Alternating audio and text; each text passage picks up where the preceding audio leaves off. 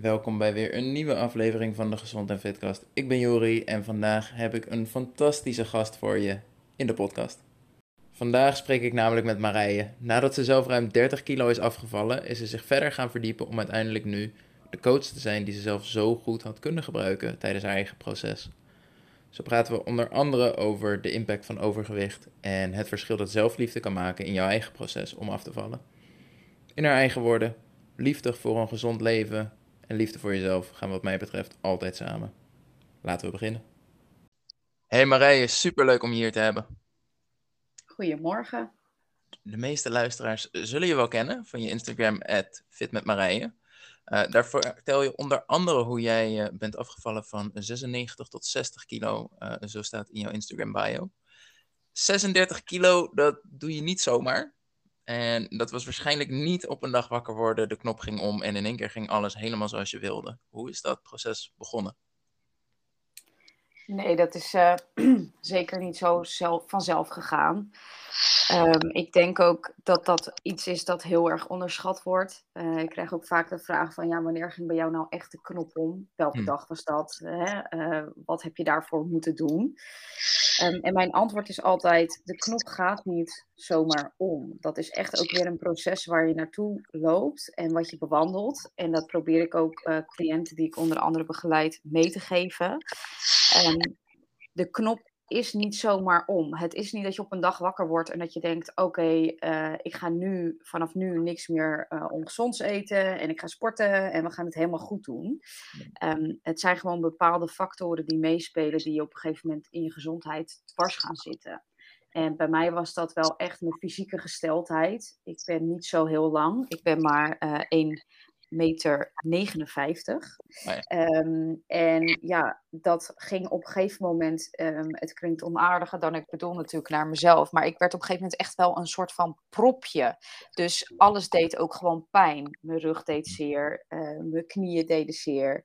Ik kon uh, niet hele lange stukken lopen of ik was eigenlijk al een beetje uitgeput. Um, ik verzon overal smoesjes voor waarom ik ergens niet bij kon zijn. En natuurlijk bij gym op de middelbare school was de grootste schaamte. Uh, want ik was een van de weinigen uit mijn klas die wat overgewicht had op dat moment. Um, dus dat soort factoren spelen natuurlijk ook een rol. En um, ja, ik, het zat gewoon ontzettend in de weg, bij wijze van. Dus ik wist wel dat dat niet zo door kon gaan, maar ik was heel erg aan het zoeken van, ja, maar hoe kom ik hieruit dan? En um, ik was echt een soort van aan het spartelen in het water van, help, ik, ik wil eruit, maar ik weet niet hoe. Um, en daarin ben ik ook heel erg eigenwijs. Uh, dus ik wilde ook weer niet echt geholpen worden. Dus het was heel erg dubbel. Um, maar bij mij waren dat vooral echt uh, factoren. En ook de factoren dat ik best wel buitengesloten ben en ook wel uh, vooral veroordeeld ben op mijn uiterlijk. Kijk, ik ben niet gepest als in uh, opwachten en iemand in elkaar slaan. Maar ik vind pesten ook dat als je iemand niet meevraagt, expres naar bepaalde feestjes, verjaardagen.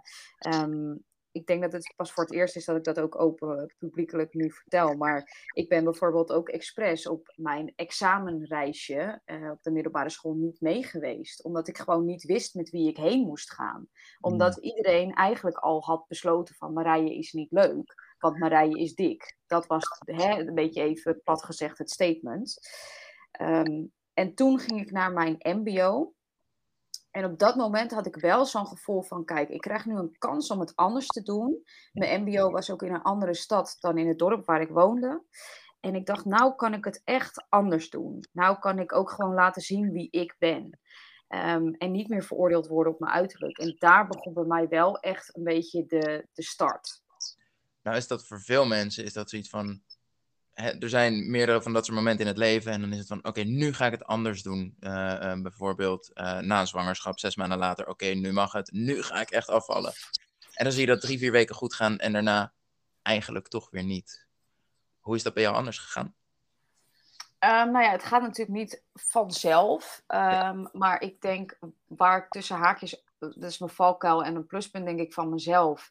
Ehm, hoe ik mezelf wel kan beschrijven, is dat ik wel echt een, een pitbull ben. Als ik iets wil, dan, dan, dat heeft mijn moeder ook altijd gezegd, dan bijt ik mijn tanden ergens in vast. En ik laat niet los totdat ik mijn zin heb, om het maar even zo te zeggen. Hm. Ehm, dus ik denk dat dat bij mij wel een heel groot pluspunt is geweest en een voordeel voor mezelf. Um, want ik, ik wist gewoon dat het niet makkelijk zou worden. En ik wist ook dat ik echt wel uh, moeilijk, het moeilijk zou krijgen. Want als je het even terug bekijkt, ik ben begonnen in een periode met afvallen, dat het juist eigenlijk best wel bij veel mensen verkeerd gaat. Ik was 17. Nou, dat, dan begin je natuurlijk af en toe met alcohol drinken. Je begint uit te gaan. Nou, het uitgaan eet je slecht. Hmm. Dus dat uh, is eigenlijk ook een moment geweest dat ik juist misschien wel op het verkeerde moment tussen haakjes ben begonnen. Daar heb ik ook wel echt een struggle in gehad van wanneer kan ik wat wel eten of niet eten. Maar ik wist gewoon dat ik niet meer me zo wilde uh, voelen. En um, ik heb ook heel lang het weggestopt hoe ik me voelde over het buitensluiten en pesten, et cetera. Um, ik, want ik dacht eerst alleen maar van ja, maar ik ga het voor mezelf doen en ik wil zelf gelukkig zijn. En dat was ook wel een beweegreden, maar het was ook wel dat ik het echt zat was om buitengesloten te worden en niet de kans te krijgen om gezien te worden. Ja, dus zeker mentaal was daar echt wel een, een omkeerpunt. Hoe heb je dat vervolgens um, nou ja, fysiek ook en qua afvallen um, aangepakt? Ja, het, het, was gewoon een, een, keerpunt. Um, nou ja, ik moet zeggen, het is nu dan acht jaar geleden, want ik ben nu 25, maar dat ik ermee begon is acht jaar geleden. en ja, ik, op dat moment wist ik wist helemaal niks van voeding. Um, ik zeg het ook altijd zo, mijn ouders hebben dat echt niet verkeerd gedaan, maar mijn ouders zijn ook niet de, de meest erge pro's in wat gezond is en wat niet gezond is. Um, en dat bij mij, ja, bij mij heeft dat gewoon een hele lange geschiedenis waarom het eigenlijk ook zo gegroeid is. Uh, dat ik zwaarder werd. Um, maar ik wist gewoon niks van gezond eten. En toen uh, wist ik wel, mijn vader was uh, best wel vaak nou, aan diëten, want die had ook best wel wat last van zijn gewicht. En die had echt het uh, typische yo-yo-effect continu. En ik denk dat dat bij mannen soms ook best wel onderschat wordt. Maar ik zag mijn vader daar wel heel vaak mee struggelen. Dus die had op een gegeven moment Sonja Bakker boeken gekocht. En um, ja, daar kan je heel veel van vinden. Uh, ik raad het ook echt niet aan aan degene ook die ik coach om dat te gaan volgen. Um, omdat dat gewoon een regelrecht crashdieet is, als het ware. En ook niet een uh, ja, leervolle manier is om af te vallen. Maar waar ik wel van geleerd heb, uit een Sonja Bakker boek, is dat je zes keer per dag eigenlijk gewoon moest eten. Dus dat je een beetje structuur moest terugbrengen in je voedingspatroon. Nou ja, dat ging ik doen. En ik heb gewoon op een gegeven moment ook echt structuur aangebracht in mijn slaapritme. Dus ik mm. weet nog wel dat ik toen die hele lange zomervakanties had. En had je zomervakanties van acht weken of zoiets. Maar ik ging iedere avond hetzelfde, hetzelfde tijdstip naar bed. En ik ging in de ochtend ging ik op tijd opstaan, want dan ging ik iedere ochtend ook op hetzelfde tijdstip ontbijten. En ik ging ook op het iedere, uh, iedere dag op hetzelfde tijdstip lunchen, avondeten enzovoort. En ik kreeg wel wat uh, ja, ideeën vanuit het Sonja Bakkerboek, zeg maar. Uh, maar ik volgde niet strikt van, oh, ik mag maar vier aardappels eten. Omdat ik daarin ook weer eigenwijs was. Ik dacht, ik ga dat zelf wel even uitvinden hoe dat werkt. Nou ja, op het begin werkte dat helemaal uh, vrij weinig tot niet. Ik viel bijna niet af. Maar ik dacht bij mezelf, ja weet je, ik kom tenminste niet aan. Ik ben niet nog zwaarder geworden. En dat is denk ik wel mijn drijfveer op dat moment geweest om gewoon door te zetten. Ik denk ook wel, één ding wat je hier heel mooi noemt, dit is iets wat bij veel mensen waarbij het afvallen gelukt is, eigenlijk per ongeluk op zijn plaats valt of er bij toeval al was. Maar die focus op structuur, als er geen structuur was en die zo aanbrengen, dat is zo verschrikkelijk waardevol, want dat ga je zo waarschijnlijk ook vertellen hoe dat vervolgens de basis was waarop je kon doorbouwen ehm, en, steeds gezonde aanpassingen kon toebrengen. En dat zal er ook alles mee te maken hebben, wat je zegt, die, die pitbull mentaliteit. Ja, durven te falen, ervan te leren en het vervolgens anders te doen in plaats van te zeggen, nou ja, dan lukt het niet, laat maar zitten ja, dat is. Ja, ik, ik denk ook, kijk, uh, jij bent natuurlijk ook een uh, coach en ik ook. En we weten allemaal dat er heel veel theorieën zijn om mensen te coachen. Um, maar ik ben nooit zeg maar eh, hè, de rol van het slachtoffer geweest. Want Hm. de, het slachtoffer die neemt niet helemaal verantwoordelijkheid voor zijn of haar problemen die er spelen. En die hebben daar gewoon wat meer hulp bij nodig. Ik ben altijd de verantwoordelijke geweest. Ik heb altijd gekeken naar van wat kan ik beter doen. En dat is zowel mijn eh, voordeel, maar ook mijn nadeel in dit proces geweest. Want als je altijd op zoek gaat naar iets dat beter kan of dat anders kan, dan ben je ook nooit tevreden. En dat is weer een ander probleem dat er dan bij komt kijken. Heeft dat ook een, een grote impact gehad op jouw afvallen? Dat je bijvoorbeeld 5 kilo kwijt bent, 10 kilo kwijt bent, maar nog steeds net zo ontevreden was als toen je begon? Ja, ik, ik heb denk ik gewoon een hele lange tijd de oude Marije altijd in de spiegel gezien. Ik dacht ook op een gegeven moment, ja, weet je, de weegschaal zegt dat er 15 kilo vanaf is, maar dat is volgens mij helemaal niet zo. Want kijk, ik heb nog steeds eh, een lelijke buik en nog steeds zijn mijn benen niet zoals ik wil. En ik ben daardoor altijd wel heel kritisch naar mezelf geweest. Ik heb er heel lang over gedaan voordat ik een soort van connectie met mezelf kon maken om te Mhm. zeggen, jij hebt dit goed gedaan. Ik ben trots op mezelf. En dat is ook, daar gaan we het later natuurlijk nog over hebben, maar dat is ook de reden eh, waarom ik juist me ben gaan verdiepen in wat is zelfliefde en hoe kun je dat wat meer creëren bij ook de cliënten eh, die jij coacht. Ehm, ja, dat is eigenlijk zelfs mijn beweegreden geweest om coach te worden, Eh, omdat ik daar zoveel mentale problemen juist door heb gekregen, omdat ik gewoon een soort van onthecht van mezelf op een gegeven moment was. Ja. Ja, ik zit me heel erg in te houden om daar niet nu al over door te vragen. Ik wil eerst je afvalproces hebben en daarna inderdaad die coaching induiken. Want die is, volgens mij is dat een verschrikkelijk interessante eh, brug die je daar hebt gemaakt. Ehm, Sonja Bakker werkte, nou ja, eh, we mogen zeggen, niet zo goed. Eh, maar het gaf je wel een stukje structuur. Hoe ben je daar vervolgens op door gaan bouwen? Ehm, nou ja, dat heeft me eigenlijk eh, een soort van, ja, het klinkt heel gek, maar ik heb een soort van mijn eigen dieet gemaakt. Ik heb niet Mhm. eens mijn calorieën erbij ja, bijgehouden. Dus ik kan ook nooit echt zeggen tegen mensen van, oh ja, zoveel calorieën at ik. Ik weet wel dat ik om en nabij 1200 tot 1300 calorieën at. Dat was wel echt heel weinig, maar goed, ik ben ook niet heel groot. Ehm, al ben ik er wel van overtuigd, op een gegeven moment stond ik ook vier of vijf keer per week in de sportschool, dat ik wel een beetje te weinig at. En dat begon ik ook wel te merken. Ik begon heel eh, vermoeid te zijn, slecht te slapen. Ik ging ook echt wel af en toe met trek naar bed. En maar dan was ik echt super streng voor mezelf. Van nee, je hebt genoeg gehad en je mag niks meer eten. Want anders verpest je het. Ehm, en ja, ik denk dat dat ook wel een beetje eh, komt omdat wat mij ook heel erg stoort nog steeds. eh, de kijk op hoe een gezond leven zou moeten zijn. Hmm. Want het is heel zwart-wit geschetst. Eh, tegenwoordig is alles slecht voor je. Eh, overal zit wel iets in waar je ziek van kan worden. En de realiteit zal echt wel zo zijn dat er overal iets in zit. En eh, bepaalde dingen zijn ook helemaal niet realistisch.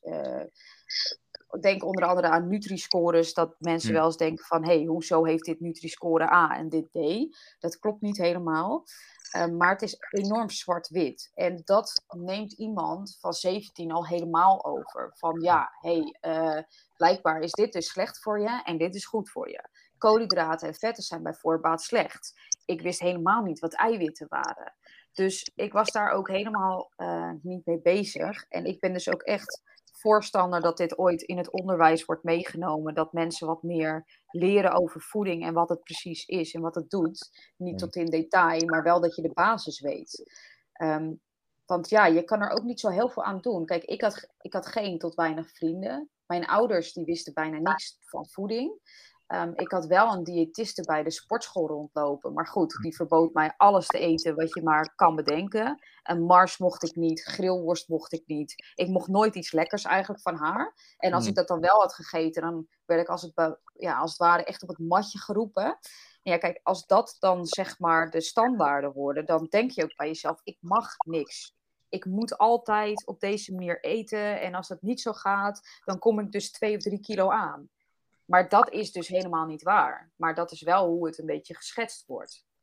Het klinkt bijna wonderbaarlijk met het startpunt dat je had en de ondersteuning die je daarbij had en kon vinden. Het klinkt bijna wonderbaarlijk dat het je uiteindelijk gelukt is.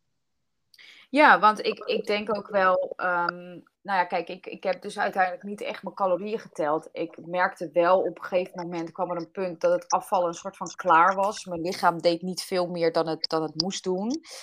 Ehm, toen heb ik wel een hele lange tijd, en ehm, dat is niet waar de podcast over gaat, dus ik hou dat even globaal. Maar mhm. ik heb een lange tijd niet goed in mijn vel gezeten. Ehm, ik ben toen ook behandeld voor een, een, depressie en daar was dit onder andere een onderdeel van. Maar ook het, het pesten, uh, zoeken naar jezelf. Ben ik leuk? Gaat het nou echt om mij? Of hè, gaat het om mijn lichaam? Of wat is nou eh, wat is nou waarheid? Ik heb daar heel lang echt heel erg mee gezeten. Ehm, en daarvoor ben ik toen behandeld. En in die tijd viel ik eigenlijk door de stress nog veel meer af. Dat ik echt van mensen reacties kreeg van, oh kijk je wel uit, want het wordt nu wel echt heel extreem. Um, ja, ook even eerlijk zijn, ik ging van cup E naar cup A. Nog niet eens meer in die periode. Uh, je kon echt mijn botten bij mijn hals zien. En ik kreeg daar wel echt heel veel negatieve commentaar op. Dat ik ook een beetje dacht van, hé, hey, maar eh, wat is nou goed? Want als ik dus veel te zwaar ben, dan gaan we daar gemene opmerkingen over maken. Maar als ik dus blijkbaar te licht word, dan krijg ik daar weer gemene opmerkingen over. Um, dus ja, dat, dat werkte toen niet eh, meer. En eh, ja, ik, ik at in die weken ook echt heel weinig. Ehm, maar daarvoor was het wel al een soort van gestopt, het afvallen. Ik was wel gewoon stabiel, maar het was wel gestopt. En dan at ik door de week echt heel weinig. Ik denk 1000 of 1200 calorieën. En dan in het weekend dan at ik wat meer. Nou ja, niet altijd helemaal remmen los. Dat heb ik nooit echt gehad. Um, maar wel gewoon wat meer en ook alcohol en zo. Maar in mijn periode dat ik echt slecht in mijn vel zat, deed ik dat niet. Um, en toen ging ik uh, antidepressiva slikken. Nou ja, het welbekende bijwerking is dat je daar ook zwaarder van wordt. En dat werd ik ook. Um, en ik werd gelukkiger. Dus ik was op dat moment, nadat ik behandeld was, ik was wat stabieler geworden, et cetera. Ik was er eigenlijk helemaal klaar mee. Want ik dacht, ik heb hier gewoon geen zin meer in. Ik wil niet constant gevangen zitten in wat ga ik wel eten, wat ga ik niet eten. Mag ik dit, mag ik dit niet? Gewoon die ruzie in je hoofd. En toen hmm. heb ik het eigenlijk helemaal losgelaten. En ja, toen kwam ik weer 10 kilo aan in een jaar. Dus ja, het is me ook niet in één keer gelukt. Nee, maar dan zeg je er wel eigenlijk een hele mooie zo van... Um, hey, je werd er toen voor behandeld. Je werd gelukkiger, maar je kwam wel aan. Um, klinkt voor heel veel mensen denk ik erg tegenstrijdig. Uh, ja. Gelukkig worden en aankomen. Maar ik denk dat dat wel um, een hele belangrijke is eigenlijk. Dat je daar dus misschien het moment had van... hé, hey, wacht, mijn geluk is niet gekoppeld aan mijn gewicht. Zeker, ja. En, en um, ik begon wat meer los te laten. Ik begon te accepteren dat ik gewoon Marije ben. Hè, met, met mijn ins en outs. En um, door de psycholoog wie, door wie ik daartoe geholpen werd, die zei ook altijd tegen mij: Jouw gevoel mag er zijn. En ander hoeft dat niet te begrijpen, maar jouw gevoel is er. En weet je, dat kan een ander niet accepteren of respecteren, zolang jij maar denkt: Ik mag me zo voelen. En dat heb ik wel heel erg meegenomen. Dat is me ook heel erg bijgebleven, omdat me dat heel erg raakte. Ik dacht altijd dat ik me niet zo mocht voelen, want dan vond een ander weer wat van mij. Mm. Ehm, en ja, ik werd gelukkiger en ik werd ook gelukkig in de liefde. Ik ontmoette mijn partner, die ik nu nog steeds heb. Um, ja, en daar gaat het natuurlijk wel gekoppeld mee. En dat is natuurlijk ook een heel bekend uh, fenomeen bij heel veel mensen. Als je een relatie krijgt, dat je dan toch. Uh, ja, wat vaker uit eten gaat, wat minder kijkt naar de calorieën wat je eet, uh, wat vaker een drankje ergens gaat doen, wat meer naar feestjes toe gaat. Ja, en dat deden wij ook best wel veel. En ja, mijn vriend heeft ook altijd gezegd, voor mij hoef je niet maat 34, 36 te hebben. Hm. Als jij gewoon goed in je vel zit en jij hebt maat 40, dan interesseert het mij helemaal niks. Zolang jij maar gelukkig bent. En dat vond ik zo raar dat iemand dat tegen mij kon zeggen. Want ik dacht, ja, zo werkt dat toch helemaal niet. Want hè, uh, blijkbaar ben ik altijd afgerekend op wie ik ben. En nou zegt iemand eigenlijk van, ja, je moet gewoon lekker jezelf zijn. Dus ja, dat vond ik wel um, lastig. Maar dat had ook met mijn geluk te maken. Alleen ja, toen op een gegeven moment kwam ik 10 kilo aan. En dat merkte ik ook wel gewoon aan mijn broeken. En ik zat gewoon niet lekker in mijn vel daardoor. Want je had wel zoiets van, ja, weet je, dit is nou ook weer niet de bedoeling, want dit is weer de andere kant. Maar op dat moment realiseerde ik me wel van kijk, hierin ben ik dus ook gegroeid. Want ik kwam maar 10 kilo aan en niet weer 36 kilo. Dus ja, daarin merkte ik wel gewoon dat ik gegroeid was. Dat ik vroegtijdig op de rem drukte van hé, hey, tot hier en niet verder. Nou gaan we gewoon weer normaal doen. En ben je toen vervolgens die 10 kilo weer afgevallen? Of zeg je nee, dat is het gewicht wat ik ehm, uiteindelijk ook heb behouden? Nee, ik ben toen uh, eh, 7 kilo afgevallen. Dat gewicht weeg ik nu nog steeds. Hm.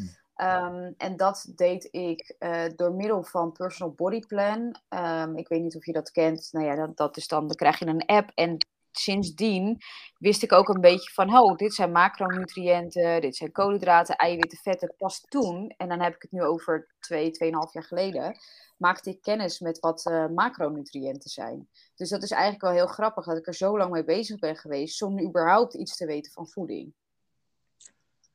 bijna bizar inderdaad dat er dus uh, nou ja, zoveel op je pad komt en het zo'n groot deel kan uitmaken van je leven zonder dat zulke basiskennis daarbij eigenlijk um, aan te pas komt.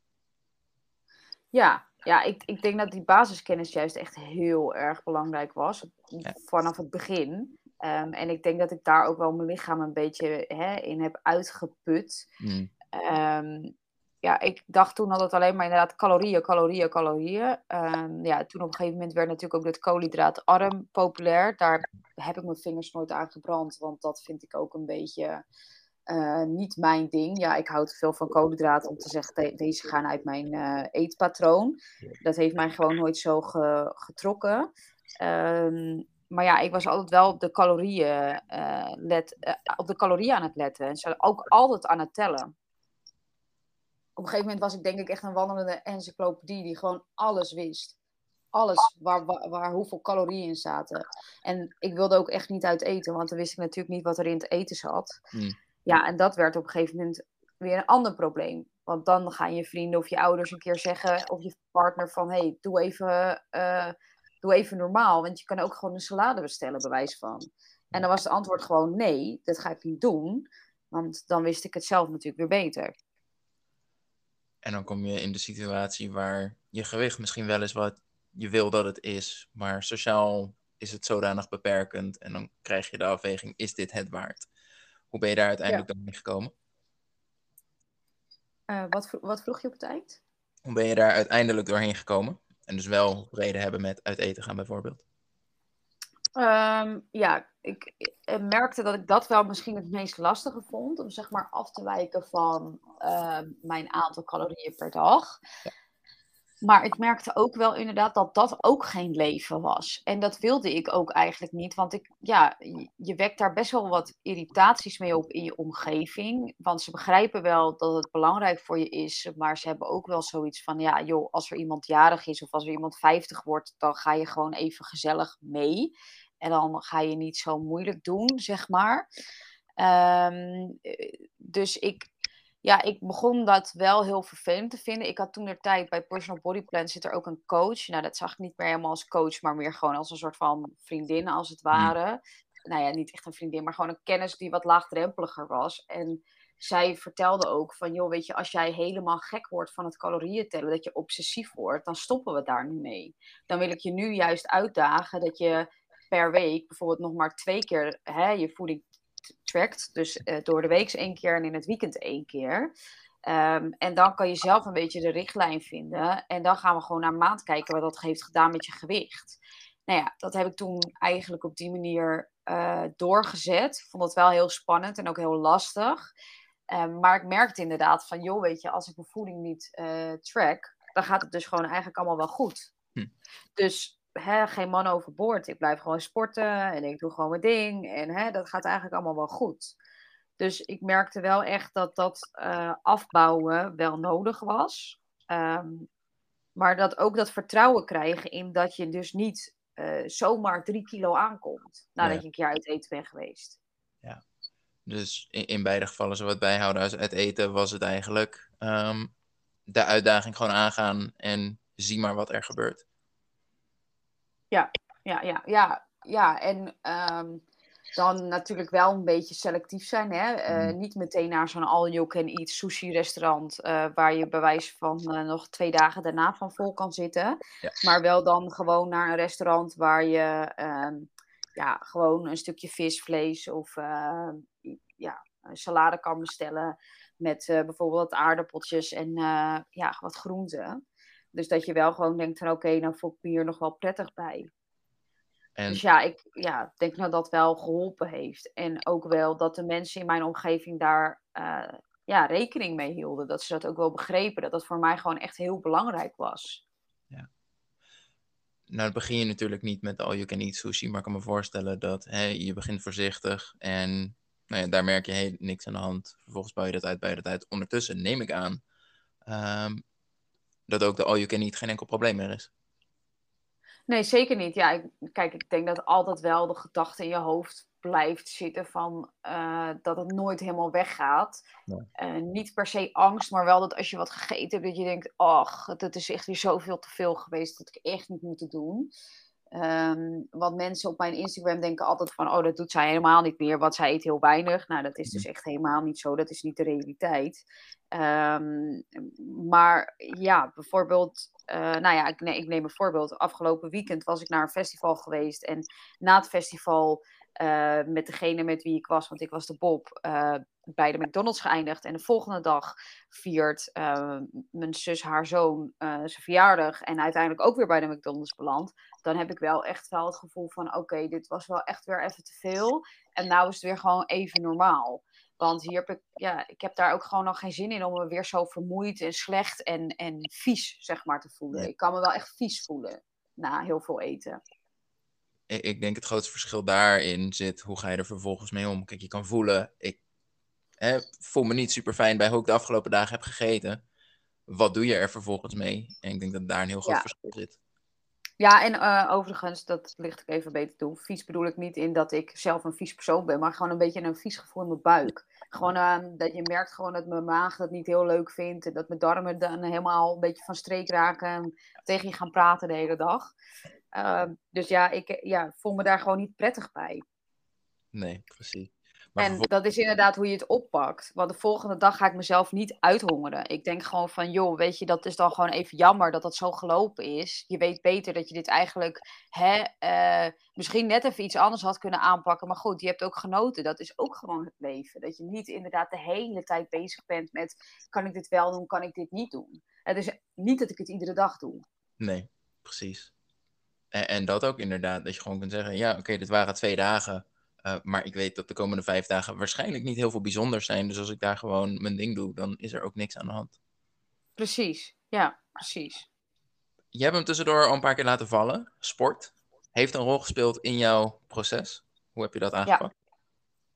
Ehm, nou ja, ik, ik kan niet zeggen dat ik een, een sportliefhebber ben geweest of er een hekel aan had. Ik ben altijd daar neutraal in geweest, ook als kind. Nou ja, als kind heb ik heel veel buiten gespeeld en wel alle sporten in principe gedaan. Maar ik ben niet het juiste persoon eh, dat in een team kan zitten, zeg maar. Want ik heb een hekel aan verplichtingen eh, dat ik bijvoorbeeld twee keer per week zou moeten trainen en dan een wedstrijd zou moeten doen. Dat is niks voor mij. Dus ik heb vroeger dat altijd een beetje vermeden en ik zat altijd op turnen en eh, nou, ik deed heel korte sport ergens. Wel lange tijd op best wel hoog niveau gezwommen.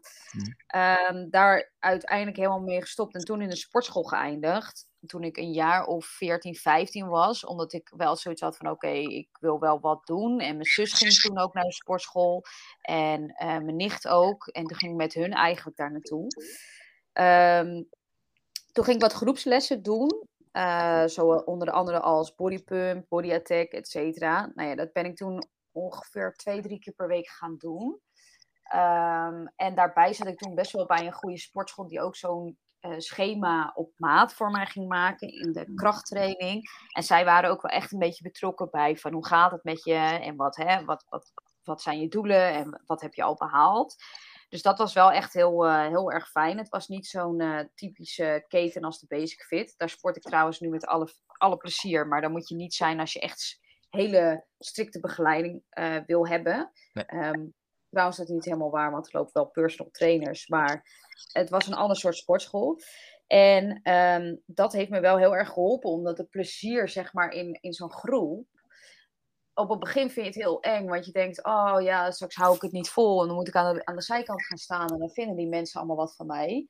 Maar dat is tegelijkertijd ook een drijfveer. Dat je wel denkt van oké, dan pak ik de optie. Want ik heb geen zin om aan de zijkant te gaan staan. Dus dan ga je wel door. Terwijl ik denk bij uh, bijvoorbeeld krachttraining had ik het al lang opgegeven. Dat ik had gedacht van ja, hier heb ik geen zin in. Dan stop ik er gewoon mee en dan ga ik gewoon lekker naar huis. Op de bank zitten met een zak chips. Um, dus dat is wel heel anders geweest. Um, en ik merkte gewoon wel dat door te sporten, dat ik daar wel een stukje rust in kreeg. Dat ik daar wel bepaalde energie en prikkels in kwijt kon. En uiteindelijk heb ik ook natuurlijk wel wat krachttraining erbij gepakt. Uh, dat is ook opbouwend geweest. Uh, en dat kwam wat meer toen ik naar mijn HBO ging. Want ik ging van mijn MBO naar mijn HBO.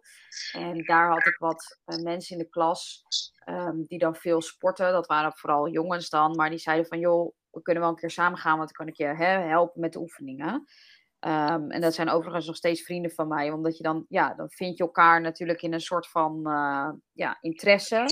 Dus toen veel met uh, vooral een andere vriend van de studie heel veel gesport na schooltijd en uh, dat eigenlijk doorgepakt. Toen ben ik in Amsterdam op kamers gaan wonen en via mijn tijdelijke bijbaan kon ik ook nog bootcampen per week. Dus ik deed dan ook nog één à twee keer per week bootcampen. Uh, dus dat vond ik dan ook, dat vond ik echt super leuk, bootcampen op de burpees na, want volgens mij vindt niemand die uh, heel erg leuk. Um, ja, en toen uh, daarna met een andere vriendin, die eigenlijk ook heel veel sport, naar een sportschool gegaan om te kickboksen. Hmm. daar echt wel een soort van mijn roeping in gevonden, omdat ik dat wel echt geweldig vind om echt al je prikkels en emoties kwijt te raken. Ehm, en ook echt je conditie te zien groeien. Ja, en dat heb ik dus uh, doorgezet. Uh, die personal trainer is toevallig ook gaan trainen in mijn buurt waar ik nu woon, dan met mijn uh, vriend. Um, ja, en daar, daardoor weer doorgezet gaan zetten met, met sporten. In, in de vorm van kickboksen. Um, ja, en dat, daar geen seconde spijt van gehad. En is kickboksen nog steeds iets waarvan je zegt gewoon neutraal, niet vervelend, ook niet superleuk? Of zeg je nee, dit is echt wel mijn ding? Dit is echt wel mijn ding. Ja, ik merk wel echt dat uh, als ik uh, een uh, stressvolle week heb gehad of vermoeid ben, ben bijvoorbeeld vanuit mijn werk of ja, van alles dat het door elkaar heen loopt, dat ik echt kan uitkijken naar een moment met mijn personal trainer, want hij is ook echt heel erg enthousiast en vrolijk. En gisteren kwam ik toevallig, ja, ging met hem trainen. En dan zeg ik ook, ik heb er echt zin in vandaag. Ik heb gewoon echt zin om gewoon echt al mijn frustratie te uiten. Ja, en dan, dan merk je ook gewoon dat je zoveel meer plezier erin krijgt. En dat had ik echt nooit kunnen denken. Zeven jaar geleden dacht ik echt, oh, wat verschrikkelijk. Mensen die voor hun lol hardlopen. Of mensen die voor hun lol dat doen. Dat doe je toch niet? Ik was echt liever lui dan moe. Maar nu is het echt andersom ik kan ook niet meer een week niet sporten. Als ik op vakantie ben en ik sport niet, daar kies ik dan ook wel bewust voor. Maar dan moet ik wel per dag zeker wel een half uur tot uur wandelen. Ik moet gewoon bewegen. Hmm. En denk jij dat als je toen je begon aan het hele afvallen gelijk bij kickboksen terecht was gekomen, dat je er dan precies hetzelfde in had gezeten als nu en had gezegd gelijk, dit is echt mijn ding? Of denk je wel dat dat een beetje op een plek viel doordat je al zoveel sportervaring ondertussen had? Ja, het viel wel op zijn plek door mijn sportervaring. Ik denk wel, uh, dat zeggen mijn personal trainer ook. Kijk, ieder, iedereen kan beginnen met uh, boksen en kickboksen. Maar dat zijn hele korte inter, ja, het is een soort van intervaltraining. Hè? Want het is heel kort, uh, heel hoog je, je hartslag laten gaan en je conditie laten gaan. Ja, hij heeft ook aan mij verteld dat bijvoorbeeld mensen die daar net mee beginnen en die weinig of tot niet hebben gesport dat hij dan standaard de prullenbak ernaast heeft staan. Omdat die mensen gewoon moeten overgeven of flauw vallen. Omdat dat gewoon echt wel een, uh, ja, het is echt wel een klap op je lichaam. Ook qua herstel. Want de eerste keer dat ik er weer mee begon, nou ja, ik weet nog helemaal de eerste keer voelde ik mijn handen bijna de hele week niet meer. Die waren echt aan het trillen. En hmm. toen ik, uh, nou ja, een paar maanden geleden eigenlijk weer mee begon, dacht ik weer, oh, mijn handen trilden weer twee dagen. Maar ik had niet verschrikkelijk veel spierpijn. En ik denk dat als ik dat zou doen terwijl ik nog geen ervaring had gehad, dat ik echt een week misschien niet had kunnen lopen. Nou overdrijf ik niet. Dan heb je echt wel even iets meer uh, training bij nodig. Mijn personal trainer zegt ook altijd, ik motiveer mensen die dit willen doen, ook altijd zeker om gewoon eerst even in de sportschool zelf te beginnen. Ja, ja hele goeie, absoluut. Ik, uh, we gaan de afslag gewoon inslaan, want de vraag die ik al de hele tijd heb is, um, het klinkt alsof de coaching die jij zelf nu aanbiedt, de coaching is die je zelf het hardst nodig had tijdens je proces. Ja, dat is, uh, dat is zeker waar. Ja. En daarom, uh, ja, ik weet niet of ik dat zo moet zeggen, maar ik voel me wel geroepen om uh, voornamelijk vrouwen, omdat ik weet hoe, hoe erg een rollercoaster de hormoonhuishouding ook kan, kan hebben mm. tijdens zo'n traject. Um, ja, die probeer ik echt wel te ondersteunen in het verbeteren van hun zelfbeeld ik denk inderdaad dat ik uh, zelf wel iemand nodig eh, heb gehad tijdens dat traject die tegen mij zei van weet je, je bent genoeg. Het is oké wat je doet. Je mag er zijn. En uh, ja, ik, ik hoop ook dat de cliënt die ik begeleid, dat ik dat ook aan hun meegeef. Het is ook eigenlijk een van de eerste dingen die ik eigenlijk altijd zeg tegen degene met wie ik ook een intakegesprek heb. Um, weet dat ik niet de focus leg op de cijfertjes op de weegschaal. Dat mag van mij als je dat zelf echt heel graag wil. Maar ik wil samen met jou werken naar een uh, fundament waarin jij denkt: oké, zo kan ik leven. Zo is het niet elke keer een strijd van wat moet ik wel doen? Wat moet ik niet doen? Is dit goed voor mij? Ja, maar ik heb daar gelezen dat dit slecht is. Of hè, dat er verkeerde stoffen in zitten. En mag ik dit wel eten dan? En mijn partner zegt dit en mijn vrienden zeggen dat. dat het zal je altijd beïnvloeden. Je, je bent niet van steen, je wordt ook geen robot. Maar je moet op een gegeven moment een basisfundament voor jezelf kunnen leggen van... Oké, jij kan dat vinden, jij kan dat vinden, maar ik vind dit. Dus zo ga ik het doen. En dat is of ja, dat is eigenlijk eh, het fundament dat ik probeer te leggen met degene die ik coach. En ik ben er ook van overtuigd dat wanneer jij het mentaal wat rustiger op orde hebt, dat je kilo's ook makkelijker eraf gaan. Omdat het ook elkaar constant triggert. Het is zeg maar ook zo, uh, mensen die heel erg een slecht zelfbeeld hebben, die gaan sneller en vaker uh, uh, grijpen naar ongezond eten. Omdat ze dan heel veel stress kunnen ervaren van, oh, dit is allemaal niet goed gegaan en ik doe dat niet goed. En uh, nou ja, ze ervaren gewoon een hele grote stressboost. En dat kan zich uiten in een eetbui. En eetbuien zijn natuurlijk per persoon verschillend, maar een eetbui is vooral typerend. En ik heb hem echt bij iedere cliënt teruggehoord die ik tot nu toe heb begeleid. Um, eetbuien zijn heel typerend als je denkt: het maakt me niet uit wat ik eet als het maar ongezond is. Dus ik proef niet eens meer wat ik eet. Nou ja, vervolgens heb je dat gedaan en daar kan je jezelf heel erg hard voor straffen, waardoor je zelfbeeld alleen maar nog slechter wordt. En dat is zeg maar de cirkel waar de meeste mensen echt gewoon wel heel erg in vastzitten. En dat is waar ik in ieder geval ook probeer bij te helpen, dat het dus niet verpest is als dit een keer gebeurt hele mooie. Ja. Want waar begon voor jou, bij jou, het idee een beetje uh, te ontstaan van dit was mijn proces en volgens mij moet ik andere vrouwen hier ook mee gaan helpen? Um, ik denk dat dat tijdens uh, het starten van uh, Personal Body Plan is geweest. Ja. Eerst. Uh, ik maakte een account aan omdat ik zag dat de mensen die Personal Body Plan volgen allemaal best wel veel een eigen Instagram-account hadden. Uh, maar ja, dat is wel een beetje natuurlijk typisch. Want volgens mij heb je meerdere van dat soort uh, afvaltrajecten dat iedereen zo'n zo'n account aanmaakt. En uh, toen begon ik ook wat mensen te volgen. Toen begon ik te zien van hé, hey, die doen dit of die doen dat. En ik begon wat receptjes te zien. En ook zelf wat meer te experimenteren met receptjes. Um, en toen vorig ja, tijdens de corona heb ik dus dat account een beetje uh, ja, opgebouwd. En dat ging eigenlijk heel langzaam. Dat ging een beetje van 200 naar 300 volgers, naar 1000 volgers op een gegeven moment na een jaar. Maar ik had er nooit een idee bij van, oh, ik wil zoveel mensen bereiken. Dat, dat was helemaal nooit mijn gedachtegang. Het was eigenlijk mijn eigen motivatie, mijn drijfveer.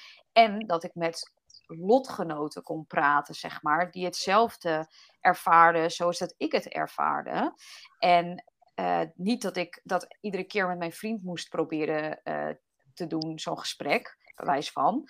Uh, want mijn vriend had zoiets van, ja, weet je, dat zal allemaal wel. Ik snap dat helemaal niet waar je het over hebt. Hmm. Ja, mijn vriendinnen waren allemaal niet echt bezig met afvallen. En mijn ouders waren ook niet echt daarmee bezig. Dus het was voor mij echt een soort van uh, mensen vinden met wie ik kon praten, bij wie je een beetje steun kon vinden. En toen op een gegeven moment, vorig jaar was dat, uh, toen kwam ik op een punt, ik werk fulltime, werkte toen fulltime nog uh, als consultant voor Microsoft, voor een, voor een commercieel systeem van Microsoft. Um, en eigenlijk dacht ik, ik ben echt niet gelukkig in mijn werk. Ik vind het eigenlijk echt verschrikkelijk dat ik iedere dag zo moet opstaan. En uh, ja, gewoon dat ik eigenlijk niet helemaal goed weet of ik dit wel zo. Dat, dat gevoel vond ik vooral verschrikkelijk. Dat ik niet wist of ik dit wel wilde doen tot op mijn 65ste bewijs van. En toen dacht ik van oké, weet je. Uh, maar zo verschrikkelijk vind ik mijn werk ook niet. En ik kan ook niet zomaar een andere baan aannemen. Want ja, uh, wat ga ik dan doen? En toen uh, ging ik wel gewoon, ja, mijn account was wel al wat meer gegroeid. En toen dacht ik op een gegeven moment, ja, als ik mensen ook wil helpen, want ik kreeg best wel wat vragen van hoe ben je zo afgevallen, hoe heb jij dat gedaan? Toen dacht ik, ja, als ik mensen wil helpen, dan moet ik wel gewoon echt kennis hebben. Ik kan niet zomaar wat gaan roepen op Instagram, want zometeen, hè, dan geloven mensen weer uh, wat ik zeg. Want ja, influencer, ik zeg dit, terwijl dat helemaal niet waar is. Dus ik wilde mijn eigen geloofwaardigheid ook wel groter maken. En toen ben ik gaan zoeken naar studies die er waren. En uh, ja, weet je, dan krijg je natuurlijk talloze aanbiedingen uh, van, van talloze websites waar je allemaal een cursus of coaching traject of iets kan volgen. Maar ik heb er toen wel echt voor gekozen om de studie gewichtconsulenten te doen, omdat je daardoor ook uh, erkend kan worden door de uh, Bond uh, Gewichtconsulenten Nederland. En dat zelfs voor een deel dus bij mensen in hun zorgverzekering valt. Um, en daardoor ook erkende coach bent. Nou ja, dat ben ik eigenlijk gaan doen. En ik ben gaandeweg daardoor ook me meer gaan verdiepen. En ook daardoor ook mensen wat meer op een andere manier gaan helpen. Um, ja, en toen kwam ook wat vaker de vraag of ik ergens een workshop wilde geven, een masterclass. Nou ja, weet je, op een gegeven moment moet je het maar gewoon gaan doen, denk ik bij mezelf. En gewoon gaan kijken of het effect heeft. En uiteindelijk heeft het gewoon heel goed uitgepakt. Ja. En wel leuk, opleiding gewichtsconsulent. Vervolgens zeg je eigenlijk, ik richt me niet heel erg op het gewicht tijdens de coaching. Nee. Wat is iemand hier nu naar luistert en die denkt, hey, die Marije heeft echt wel verstand van zaken, daar uh, wil ik meer van weten. Wat kan iemand nou verwachten van, uh, met deze situatie kan ik het best bij jou terecht en dit is wat ik achteraf kan verwachten als uitkomst of resultaat? Um, ja, eerst even terugkomen op wat je zei. Gewichtconsulenten, nee. Ik heb zelf ook best wel een beetje zelfs een allergie voor het woord uh, gewicht. Uh, omdat ik echt vind dat mensen daar te veel op worden veroordeeld of benadeeld. Iedereen weet heel goed van zichzelf die iets te veel weegt, dat het niet gezond is en dat het nadelige effecten heeft voor je gezondheid. Um, maar dat is gewoon zo zwart-wit. En zolang je mensen niet probeert te helpen, vind ik ook niet dat je het recht hebt om dat soort uh, dingen tegen uh, mensen te zeggen die iets te veel wegen. Um, mensen die bij mij in mijn coachingstraject zouden komen, kunnen verwachten. Dat, dat is altijd ook wat ik tegen al mijn coaches zeg. Ik ben niet iemand die boven jou staat. Ik ben een gelijkwaardige van jou. Je kan me zien als een vriendin, een vertrouwenspersoon. Uh, iemand uh, die wel een spiegel voor je gaat houden, die af en toe dingen tegen je zegt die jij even niet leuk gaat vinden, omdat ik wel eerlijk moet zijn. Ik moet wel ergens doorheen prikken. Ik ga niet constant met je meebewegen. Um, in sommige gevallen moet dat natuurlijk af en toe even wel. Um, ik ben ook niet de coach die jou gaat drillen om per se 200 gram groente per dag te eten, twee stuks fruit. Ik raad het wel aan. Maar ik kijk mee wat de situatie is. Um, als ik iemand krijg uh, in mijn coaching, eh, als iemand mij krijgt zeg maar, als coach in het coachingstraject, en die zegt tegen mij: Ja, maar ik lust helemaal geen groente, ik eet nooit groente. Dan ga ik niet van iemand verwachten dat iemand 200 gram groente de volgende dag eet. Want dan maak ik eigenlijk als coach dezelfde fout als eh, wat ik zelf fout vond gaan naar mijn eigen traject. Want ik verwacht dus van iemand dat iemand zijn gedrag binnen een dag veranderd is. Maar dat gaat niet. Dus ik probeer daarin de doelen wat lager te leggen. Van laten we eerst 50 gram groente per dag eten. En dan 100 gram. En dan 150 gram. Nou ja, dat probeer ik dan ook uh, te, te zien. En ik richt me wat meer op uh, de, um, de coachingsmanier. Dat je wat je, ja, hè, de, de RED-methode, misschien ken je wel, rationeel-emotionele therapie. Dus in welke gebeurtenis, uh, dus wat gebeurt er eigenlijk en welke gedachten krijg je erbij?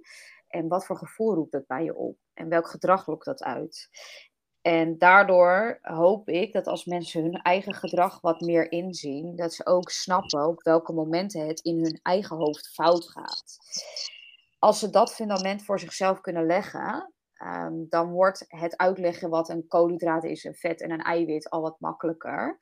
Um, ik stimuleer ook wel tot, hè, als ik de, de, de aanbeveling schrijf van zoveel calorieën kan je eten, zoveel koolhydraten, et cetera, stimuleer ik wel uh, bij de meeste toch eiwitten verhogen en de koolhydraten uh, op het minimale te houden. Um, en dat is wel gewoon omdat ik ook soms even wil zien wat de coach doet.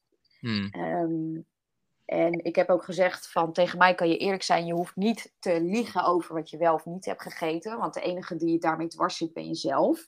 Dus als het niet goed is gegaan en je zegt het niet eerlijk tegen mij, kan ik je ook niet verder helpen. Um, dus als je een keer een uh, verschrikkelijke dag hebt gehad voor jezelf, leg eens vast in een app, inderdaad als MyFitnessPal of iets in die richting. Leg eens vast wat je hebt gegeten. Want dan wil ik ook wel even met je meekijken. Wat, hè, uh, wat gaat daar dan echt fout of niet? Hè? En laten we ook eens focussen op wat daar gewoon goed ging. Dus dat is iets waar ik echt de focus op wil leggen. En ook de externe uh, factoren daaromheen. Um, ja, heb je last van inderdaad emoties eten? Hoe kan dat? Wie zijn daar een trigger in? Hoe is je slaappatroon? Hoeveel beweeg je en hoe beweeg je? En um, ik wil gewoon dat als ik zeg maar wegga als coach, dat als het ja, alleen moeten doen, fietsen zonder zijwieltjes, om het maar zo te zeggen, hm. dat ze gewoon ook al hebben ze een terugval, dat ze gewoon denken aan: oké, maar dit is dus zo'n gebeurtenis, dit gebeurt er dus. Dat ze zich heel goed realiseren wat ze doen op dat moment. Dat ze gewoon bewust zijn geworden van hun eigen gedrag en wat voor effect dat op zichzelf heeft. Dus niet voor de omgeving, maar zijzelf. En dat is het allerbelangrijkste. Zij zijn het allerbelangrijkste in het hele traject. Ik ben eigenlijk niet heel belangrijk. Ik stel alleen hele kritische vragen. En ik vraag gewoon wat daar fout gaat of niet. Of wat beter kan volgens hen zelf. Maar ik probeer ook te stimuleren naar wat vind je mooi van jezelf. Waarom hou je van jezelf? Waarom ben je het waard om voor te zorgen? Ja, en dat is uh, voor mensen wel confronterend. Maar dat kunnen mensen van mij verwachten als, als coach.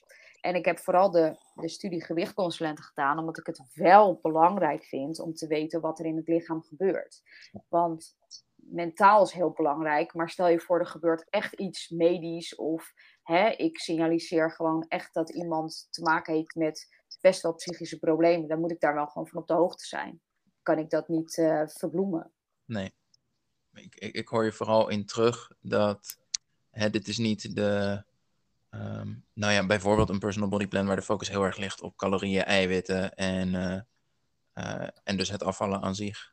Maar heel erg vooral het zorgen dat iemand um, de handvatten heeft en mentaal en emotioneel sterk genoeg is dat na de coaching, zelfs al gaat het mis, dat ze precies weten hoe ze moeten handelen.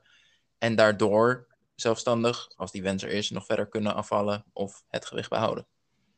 Ja, en, en, en uh, we gaan ook zeker aan de slag met de kilo's. Um, maar ik ben, ik, ja, ik ben toch wel wat meer ook gebrand op uh, het, het stukje mindset. Ja. Um, want ik volg ook sommige dames uh, op Instagram, ook onder andere. Um, en daar zie je eigenlijk precies hetzelfde patroon terugkomen als wat ik ook had. Ze vallen heel veel af. En dan krijgen ze eigenlijk een hele uh, zware mentale periode. Dan wordt het echt dat de, hè, de strijd in hun hoofd. Ik kan geen jurk dragen. Ik kan het wel doen. Moet ik dit eten? Moet ik dit niet eten? Maar ik heb al veel gegeten. En moet ik nou blijven sporten of niet? Hmm. En uh, dat kan een soort van, voor sommige mensen juist echt een keiharde klap zijn op het proces dat je net hebt uh, ja, afgerond. Waardoor je heel erg onthecht raakt van jezelf. Omdat je zo kritisch op jezelf blijft en bent. En ik wil hem eigenlijk omdraaien. Breek jezelf zeg maar eerst maar in duizend stukjes. Confronteer jezelf aan alle kanten. Probeer te signaliseren en niet te veel, maar wel een beetje waar het fout gaat. En laten we op basis daarvan opbouwen hoe jij je gewicht kan verliezen. Ja. Maar dat je wel doorhebt van, oh ja, nu heb ik dus zo'n gekke gedachte. Oh ja, nu wil ik dus eigenlijk zo reageren. En niet dat je dat als een soort van klap achteraf krijgt.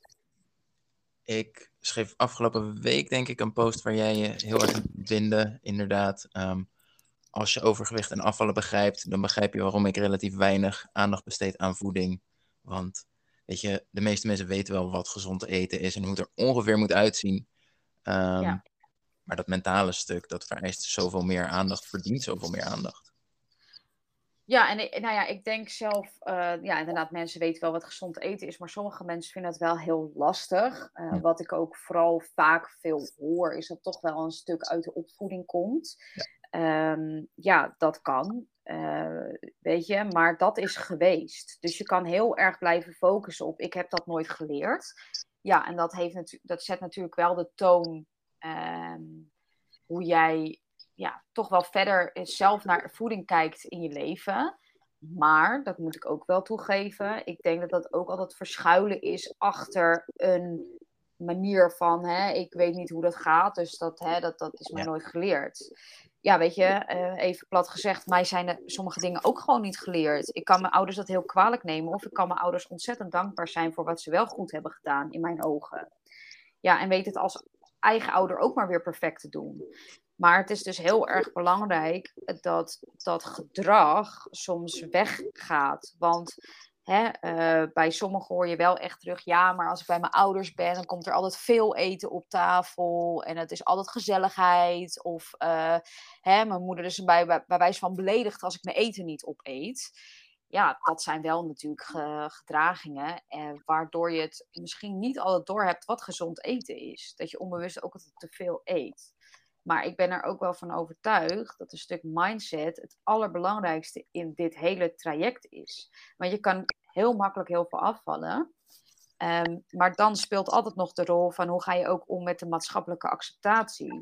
Uh, hoe ga je om met, uh, kan ik nu wel een jurk dragen of zal ik dat maar niet doen? Of een bikini dragen of zal ik dat niet doen? Dus ja, dat, dat maakt het natuurlijk wel heel erg lastig voor jezelf als je daar nooit aandacht aan hebt besteed. Ja. Mooi, ja. Ik wil om af te ronden twee vragen meepakken die zijn ingezonden en uh, uh, dan uh, ronden we verder af. Ja. Is jouw eigenwaarde veel veranderd tijdens het proces? Ja, zeker. Um, ik denk, kijk, ik ben begonnen toen ik 17 was met afvallen. Um, toen was ik heel onzeker. Toen hè, uh, dacht altijd gewoon van ja, blijkbaar ben ik niet leuk en heb ik daardoor geen vrienden. Um, en vinden jongens mij ook niet interessant. Um, ik, daarna best wel een beetje gestruggeld. ja, ook met de aandacht van, van mannen onder andere. Dat ik dacht van, hey, vind je mij nou leuk? Vind je mijn lichaam leuk? Wat, hè, daar kan ik heel erg uh, um, ja, kan ik heel erg omheen draaien. Maar ik denk dat dat ook gewoon is wat heel veel vrouwen en mannen onder andere ook meemaken. Uh, dat je ineens heel veel aandacht krijgt van, uh, van anderen en dat je niet zo goed weet hoe je daarmee moet omgaan. Um, ja, daar heb ik wel heel veel van geleerd. Omdat ik eigenlijk altijd alleen al heel lang uh, heel blij was als iemand mij maar leuk vond. Of als iemand mij maar een compliment gaf. En ja, daar is gewoon wel misbruik van gemaakt, uiteraard. Um, en, maar dat heeft mij ook weer geleerd dat, hè, uh, dat je niet de bevestiging van een ander nodig hebt om jezelf leuk te vinden. En het is gewoon oefenen, oefenen, oefenen, oefenen baart kunst. Maar op een gegeven moment weet je gewoon zelf wel wat je, wat je tot een leuk, goed persoon maakt. En zolang je maar blijft reflecteren op jezelf van oké, maar dit zijn misschien wel mijn valkuilen en misschien wat mindere kanten van mij. Uh, dat maakt jou niet tot een slecht persoon.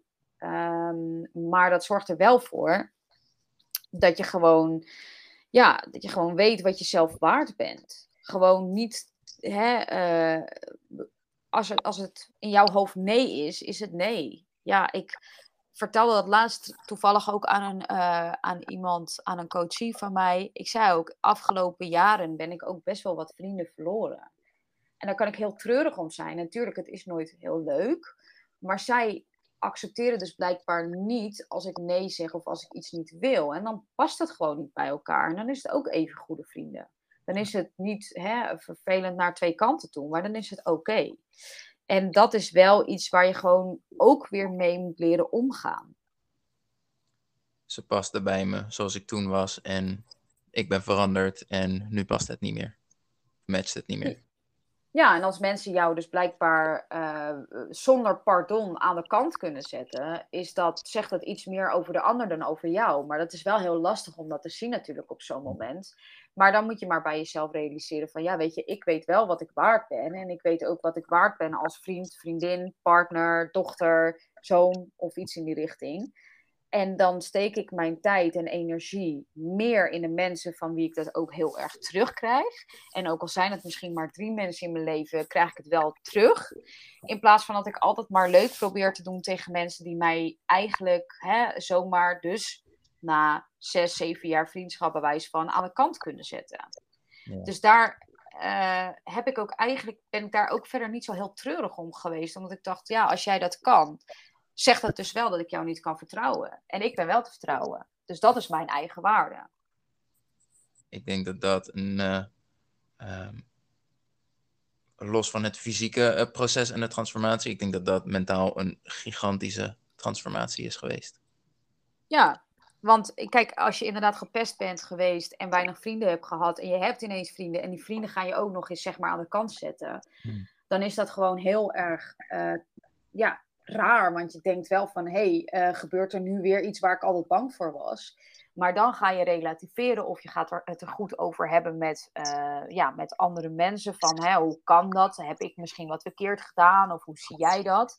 En dan kom je eigenlijk gewoon tot de conclusie van, ja, die mensen accepteren dus niet mijn grenzen. En die accepteren dus ook niet hoe ik geworden ben. En dat is oké. Dan passen wij dus niet bij elkaar. Maar dat geeft niet aan dat ik dus niet een leuke persoon ben. Want ik ben ook gewoon oké. want anders waren al die andere vrienden niet bij me gebleven, zeg maar. Ja, eens. Super mooi. Ehm, tot slot, hoe hou je het afvallen en achteraf stabiel blijven vol? Misschien de doorvraag, waar heb jij je motivatie al die tijd uitgehouden, uitgehaald? Ehm, ja, ik vind het altijd heel erg lastig om te zeggen. Ehm, je bent namelijk niet altijd, dat kan niemand zijn, je bent niet uh, altijd gemotiveerd. Je bent niet iedere dag gebrand op, oh, vandaag gaan we een goede dag hebben. Hmm. Dat, dat verschilt echt per persoon, denk ik. Um, maar mijn grootste doel is wel geweest om nooit meer zo eh, terug te vallen en me zo te voelen als dat ik deed. Um, en dat is wel echt voor mij een stok achter de deur geweest. Uh, het was niet per se een angst, maar ik had wel echt zoiets. Zo wil ik me echt nooit meer voelen. Nooit.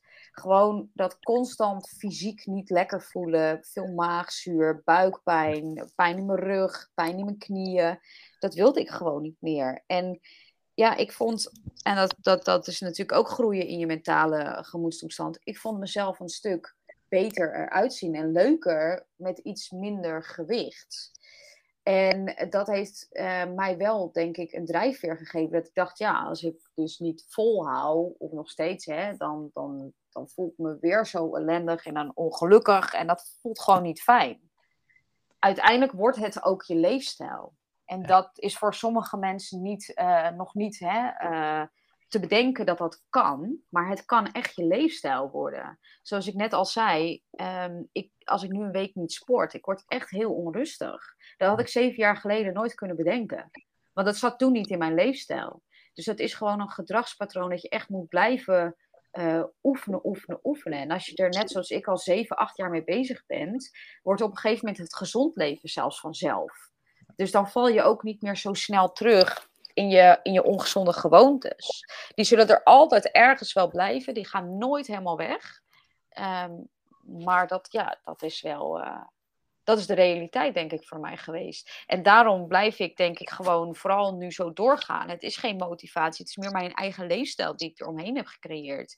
Ik kan leven uh, op een normale manier hoe ik nu leef, zeg maar. Dus nog steeds inderdaad, wat ik net al vertelde, twee keer per week naar de McDonald's gaan. Dat gebeurt bijna nooit, maar goed, hè, het gebeurt wel eens. Uh, ik kan ook gewoon naar een all-you-can-eat restaurant gaan. Uh, ik kan ook wel eens een keer te veel drinken. Um, dat gebeurt gewoon. Um, maar ik ben er wat meer oké okay mee. Ik kwel, kwel mezelf niet meer is het ook een beetje dat je die momenten nu meer kan herkennen als uitzonderingen en niet meer de norm? Ja, het, het zijn ook uitzonderingen, want je weet gewoon, ja, uh, dit, nou, ik kan me eigenlijk niet eens meer heugen dat dit überhaupt ooit gebeurd is, dat ik twee keer per week uh, naar de McDonald's ga bijvoorbeeld. Uh, maar dat is inderdaad niet meer de norm. En je merkt gewoon dat je gegroeid bent in je karakter. Als je bijvoorbeeld zo'n weekend hebt gehad, of ik heb ook wel eens een week gehad, dat ik dan zoveel uh, verjaardagen of etentjes in een week had, dat je dan drie keer per week uit eten gaat, dat je wel sneller denkt, oké, nou weer genoeg, nou weer even gewoon, even iets normaler. En dat betekent niet dat ik niks lekkers meer mag van mezelf. Nee, dat betekent wel gewoon even focussen op mijn groentes, op mijn fruitinname, op uh, hè, wel gewoon weer lekker naar de sportschool toe gaan. Nou is het wel weer even klaar.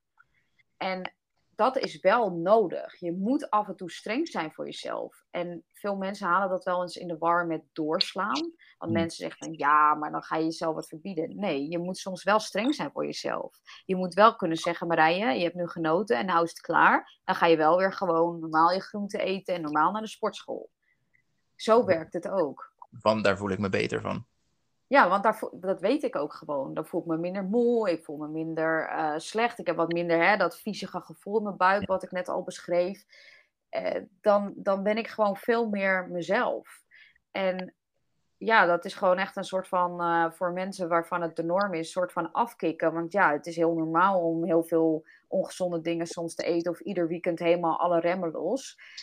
Um, maar als je dat maar blijft beoefenen en soms kleine stapjes in de juiste richting maakt, dan kan je, dat durf ik echt, en dat zeg ik ook tegen elke coachie die ik coach, ik durf echt mijn handen door het vuur te steken, dat je over acht jaar precies hetzelfde daarnaar kijkt zoals dat ik het nu doe. Dat je echt denkt, oh, heb ik dat echt gedaan op die manier? Dat kan ik me echt niet meer voorstellen. Het is echt zo verleden tijd, zeg maar. Super. Marije, ik wil jou ontzettend bedanken dat je er was vandaag. Um, is er iets wat jij nog met de luisteraars wil delen? Waar kunnen ze je vinden? Um, nou ja, ik uh, ben natuurlijk te vinden op uh, mijn Instagram-account Fit met Marije.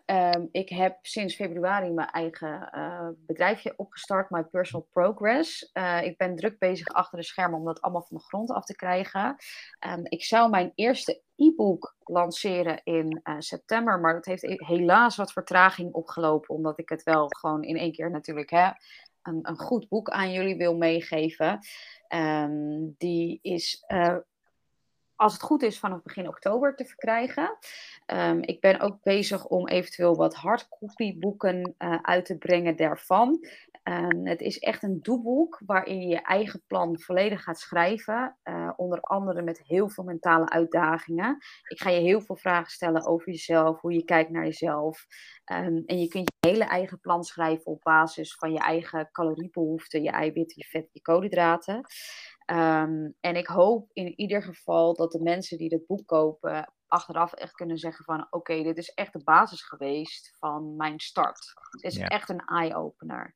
Uh, en ik heb er super veel zin in. Ik vind het ook heel spannend. Um, maar het is echt een soort van mijn kindje, zei ik gisteren nog toevallig tegen de uitgever.